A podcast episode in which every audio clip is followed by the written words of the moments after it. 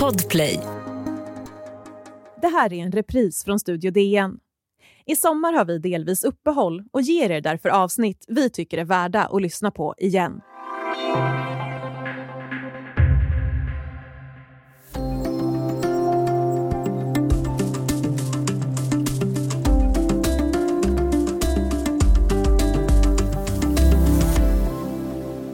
Du städar, stryker och klappar katten. Tar en rask promenad och passar på att köpa mjölk.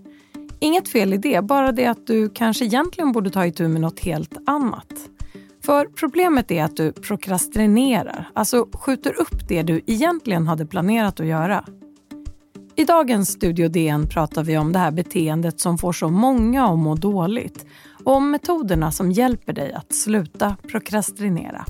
Välkommen! Jag heter Ylke Holago.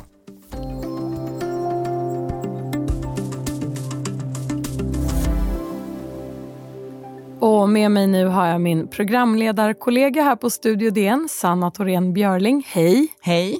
Vad kul att vi ska få prata med varandra idag för omväxlings skull. Ja. Vi har ju båda ett intresse för det här ämnet uppskjutarbeteende, så kallad prokrastinering. Och vi har skrivit artiklar om det här genom åren och du gjorde det senast i Dagens Nyheter. Varför ville du plocka upp just den här frågan just nu? Jag tänker väl att eh, under de här jobbterminerna, höstterminen och vårterminen, allting går in i vardag, så är det något som faller över en eh, efter ett långt sommaruppehåll kanske och det är mycket saker man ska ta itu med och eh, det är något som många lider av tror jag. Eh, sen är det ju inte fel när det kommer nya böcker heller. Och låt oss definiera prokrastinering eller uppskjutarbeteende som det också kallas på svenska. Vad, vad är det för någonting? Ja, det kommer, själva ordet kommer av latinets procrastinus som betyder till morgondagen.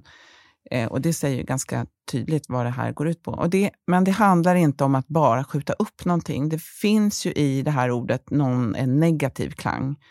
Eh, och när, man, när, man, när psykologer pratar om att man prokrastinerar så är det att man skjuter upp någonting och man är mycket väl medveten om att det är det man gör, trots att man också vet att det här får negativa konsekvenser. Eh, så ungefär kan man definiera det. Vad är det för någonting? Det är inte en diagnos eller ett eh, syndrom? Nej, det är ett slags beteende som ju kan vara mer eller mindre allvarligt. Eh, och har man, lider man väldigt mycket av det här, då eh, kan man ju söka hjälp för det, för att komma till bukt med eh, de problemen. Ehm, att man, inte, att man faktiskt mår dåligt på grund av det. De flesta, kanske lite till man, som skjuter upp saker, det behöver ju inte vara något jättestort problem, men det kan bli det. Du är ju själv högpresterande reporter. Du spottar ur i artiklar och du har också skrivit en bok. Och Det här är ju typiska exempel på uppgifter som kräver fokus och disciplin. Hur mycket lider du själv av prokrastineringsproblem? Ja, det är, det är ju en bra fråga. Jag skjuter ju inte upp sånt som jag måste göra först. Och eh, en deadline från en redaktör är ju ofta högprioriterad kan man säga. Så det beror på lite grann vad det gäller. Eh, jag tycker ju själv att jag är ganska bra på att prioritera och prioritera bort. Eh, men jag kan ju också då medvetet, medvetet prioritera till exempel att ta en promenad i skogen istället för att rensa garderoben. Ehm, för att jag tycker att promenaden är viktigare. Men eh, båda de här kan ju få negativa konsekvenser om jag inte gör dem. Om jag låter bli att rensa garderoben så blir den orensad. Om jag låter bli promenaden i skogen så mår jag dåligt av det. Um, men jag kan skjuta upp uh, en massa saker.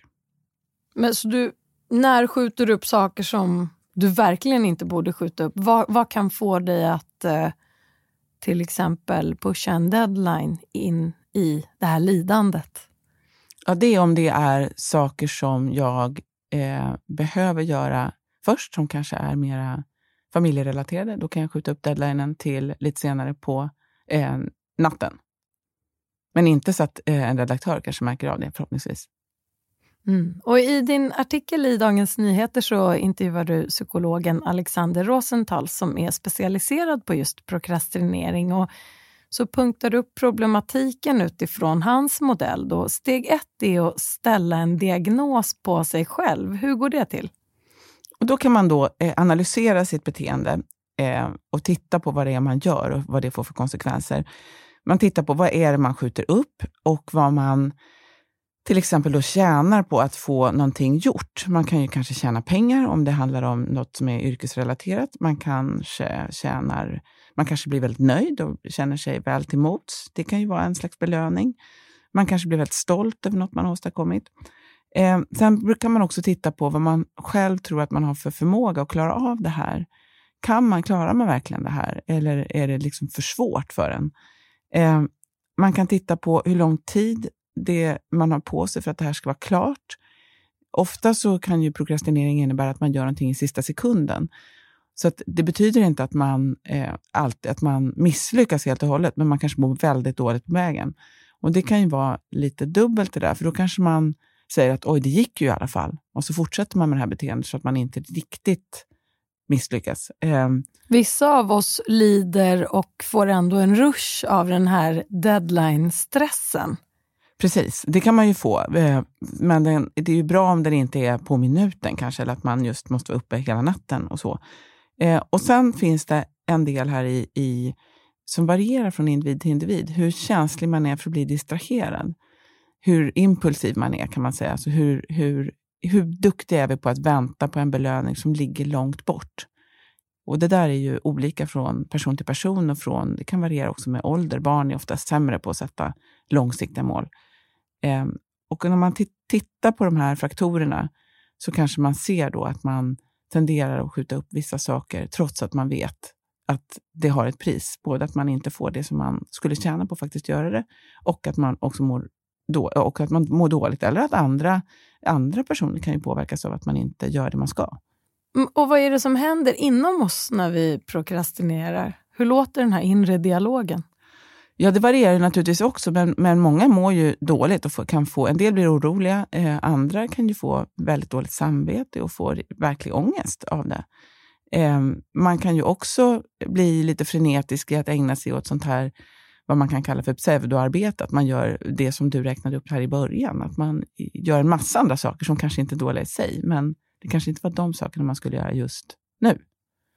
På psykologen Alexander Rosentals lista följer efter då punkt ett, att diagnostisera sig själv, så kommer målsättning, vilket ju kan vara nog så svårt för oss som är lite mer impulsiva. Varför är målsättning så viktigt? Jag tror att det gör att eh, om, man ska komma, om man ska komma över sin prokrastinering så är det bra att försöka vara så konkret och tydlig som möjligt. Och ett mål eh, kan ju ofta vara eh, någon slags hållhake till att vad är det man vill åstadkomma egentligen. Och då är det ju bra att, bra att vara så tydlig man kan. Och ett mål får inte vara... Om man lyssnar på, på Alexander Rosenthal och även andra som har skrivit om det här, så vill man ju gärna ha mål som är väldigt konkreta. De ska också vara realistiska, att man faktiskt kan göra det här. Det ska vara mätbart, det ska vara greppbart och det ska vara en tydlighet i tid. Eh, och, och så specifikt som möjligt. Och om det är svårt att vara så där riktigt långsiktig, hur bryter den ner i delmål? Ja, det beror ju lite grann på vad, man, vad det är som är det stora målet. Om det är att bygga ett helt hus eller att springa ett maratonlopp, någonting som, som inte är färdigt förrän om ett år, då kanske man bryter ner ett delmål så att man har ett delmål om ett halvår eller om en månad. Då är det väldigt, lång, väldigt långsiktiga mål. Eh, men det kan ju vara så att man har som mål att städa hela sin lägenhet, som man bara inte orkar. Då kan det ju vara ett delmål att bryta ner eh, rum för rum kanske. Ehm, eller så eh, har man stora problem så kan man bryta ner det så att man gör, tänker sig, vad, är, vad kan jag göra? Vad, vilken är den minsta möjliga ansträngning som jag kan acceptera just nu, inom en halvtimme eller inom tio minuter? Om man ska städa då, jag kanske kan börja med jag kanske kan acceptera att jag går och tittar om det finns såpa hemma. Och klarar man det så kanske man tänker att okej, okay, jag kan ju titta om det finns en trasa också. Att man bygger sakta upp de här små, små målen och också erkänner för sig själv att man faktiskt har klarat av någonting litet. Fira segrarna Exakt. av att ha utfört bebissteg. Just. Vi ska ta en kort paus och sen prata mer om vad du själv kan göra för att göra det som är viktigast först.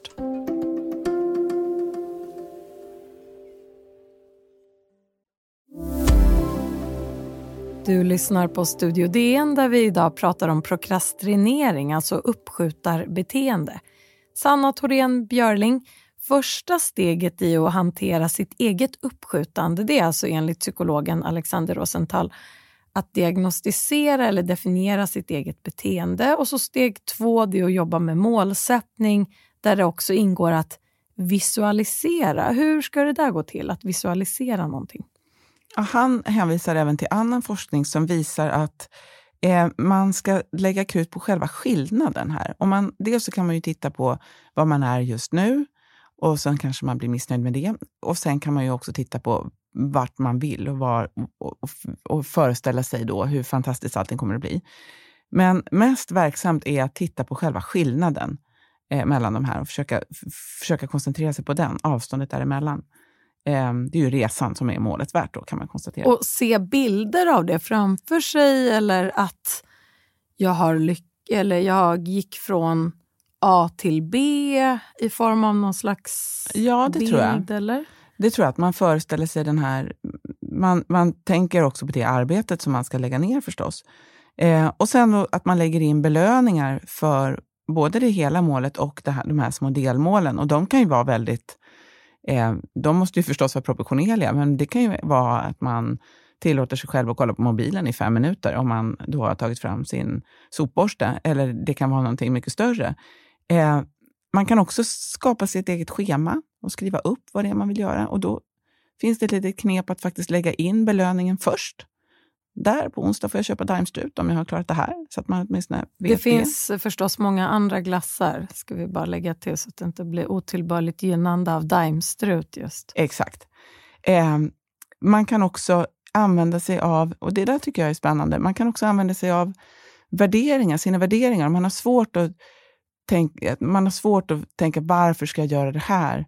Då kan man också faktiskt tänka lite mer abstrakt. Vilken, vilken slags människa vill jag vara? Vill jag vara en person som går att lita på? Ja, men då kanske jag kan använda det för att åstadkomma det här som jag ändå sagt att jag ska göra. Jag ska städa hela gården för bostadsrättsföreningen eller vad det är. Eh, då, det kan man också använda som någon slags hävstång för att komma in i det här. Och Du nämnde mobiltelefoner. Att identifiera och förhindra distraktioner det är en otroligt viktig del av arbetet med sig själv. Och En av de stora bovarna är ju inte oväntat då mobiltelefonen. Hur hanterar vi alla allas vårt favoritsällskap? Jag tror att det där är jättesvårt. Jag, det, det, han, eh, Alexander Rosenthal som jag talade med och även andra säger, det är bara att gå till sig själv, det är ju kanske den största faran och alla säger samma sak. Man ska stänga av den, man ska låta bli den, man ska lägga undan den, lägg den upp och ner i alla fall. Låt bli den i Ehm, en halvtimme kanske, åtminstone. Eh, man kan ju också när det gäller eh, internet överhuvudtaget, om man sitter vid en dator och ska göra någonting, ta bort internet eller stäng ner flikar eller stäng av notifikationer eller sätt upp en tid när man ägnar sig åt administration eller svara på mejl eller vad det nu kan vara. Jag tycker att det är, finns, eller till, jag tror att det är många, framförallt kvinnor, som ägnar sig åt såna arbete att man kommer på att man ska ringa försäkringsbolaget eller tandläkaren eller vad det nu är, så sticker man emellan med det. Man kan samla ihop de där sakerna eh, och göra dem på en gång. Men det är ju jättesvårt. Jag tror att man får jobba, eh, försöka vara så metodisk man kan. Och en metod för att vara just metodisk som jag själv har stött på och gillar, det är att skriva upp varje gång en blir distraherad. Och Det är både inre och yttre faktorer som egna tankar eller något störningsmoment utifrån som ska ner på den där listan. Och Det gör man alltså för att eh, identifiera och förhindra att man tappar fokus. En annan devis det är att kämpa för att göra det viktigaste först. Alltså att fokusera på det eh, som verkligen är den viktigaste uppgiften för stunden. Vilka är dina bästa knep, Sanna? Jag tror att det där är... Eh, jag försöker också göra det här, sätta, sätta någon slags prioritetslista eh, i huvudet om inte annat, så att man just börjar med det viktigaste först. Jag tror, på att, jag tror också på att man ska försöka definiera när på dagen man funkar bäst. Eh, för många är det på morgonen. Det är inte för alla, men för många är det det. Och det är bra att göra det som är svårast först. Ehm, det där som man drar sig för att göra är det bra att börja med, för man blir så jäkla nöjd när man har gjort det, så att allting annat känns lättare. Ehm, jag tror att det är bra, eh, till exempel om man håller på med ett större projekt som att skriva en bok till exempel. Då tycker jag det var bra att avsluta varje dag med att bestämma vad man ska börja med dagen efter. För då kommer man lite över den där tröskeln att det är jobbigt att komma igång. Om man vet precis, då behöver man inte fundera på det. Ehm, så det tror jag är bra. Eh, sen tror jag att det är bra att man till exempel, det har ju också med text att göra, men om, för att undvika den här internetfällan, att man till exempel sätter X i en text istället för att kolla upp någon faktauppgift och så kollar man allting samtidigt. För att annars så kanske man börjar läsa tio artiklar om någonting. Och det här du säger nu går ju såklart att applicera på alla andra eh, typer av uppgifter i livet också. Ja, i alla fall ganska många. Och för oss som har barn eller jobbar med eller umgås med barn, vad kan vi göra för att hjälpa dem att fokusera bättre och undvika uppskjutarbeteende? Ja, det är väldigt lätt att börja skälla på barn som inte gör vad man vill att de ska göra. Eh, det funkar inte så där jättebra eh, om de ska göra läxor eller så. Men jag tror att man ska komma ihåg där att barn har svårare att, att ha de här långsiktiga målen, de här abstrakta målen. Och det har ju också med hjärnans utveckling att göra. Hjärnan är inte utvecklad förrän i 20-årsåldern. Ehm, så då får man kanske hjälpa dem till kanske bryta ner lite delmål. Eller om man ser att de har stora problem att skjuta upp så kan man ju säga det. Ehm, att jag ser att du gör på det här sättet. Är det något du har tänkt på själv? Eller, ehm, eh, och se vad de själva säger om det. Eller om man kan hjälpas åt tillsammans och lägga upp eh, någon liten plan. Morötter funkar ju bra. Eh, friska funkar ju kanske lite sämre, men eh, belöningar och så. Eh, och att man gör korta mål. Prokrastinering har ju blivit ett ganska vedertaget begrepp här i Sverige samtidigt som vi lever i en tidsera då vi bombarderas av budskap och intryck. Och det utmanar ju vår förmåga att fokusera. Sanna, vad tror du kommer att hända med behovet av kunskap om prokrastinering eller uppskjutarbeteende? Jag tycker det är en jättebra fråga. Jag, jag tror att vi, precis som du är inne på där, att vi lever verkligen i en tid där, vi, där distraktionerna blir fler och fler och fler. Och, och eh, vår, vår uppmärksamhet kräver på något sätt stimulans hela tiden. Um, att det är svårare att gå in i något och verkligen stanna där. Uh, men jag tror också att det, man måste tänka på det här som en liten grann en glidande skala. Det får inte heller bli någon slags perfektionism, att man har dygnet runt-krav att göra allting, att man inte kan låta någonting vara. Det finns ju också en del uppskjutande som faktiskt kan, kan vara bra. Man kanske inte måste göra den här grejen nu. Den kanske inte behöver göras alls, om jag bara väntar lite och ser vad som händer. Eh, så att jag tror att det, man får försöka balansera där, eh, så att man får rätt saker gjorda. Eh, men inte att man aldrig tillåter sig att strunta i någonting. Tack så mycket Sanna Thorén Björling, programledare på Studio DN och reporter på Dagens Nyheter. Om du vill kontakta oss så går det bra att mejla till studiodn dn.se. Och kom ihåg att prenumerera på Studio DN där du lyssnar på poddar så missar du inga avsnitt. Studio DN görs för Podplay av producent Sabina Marmulakai, ljudtekniker Patrik Miesenberger, teknik Oliver Bergman på Bauer Media och jag heter Ylke Holago.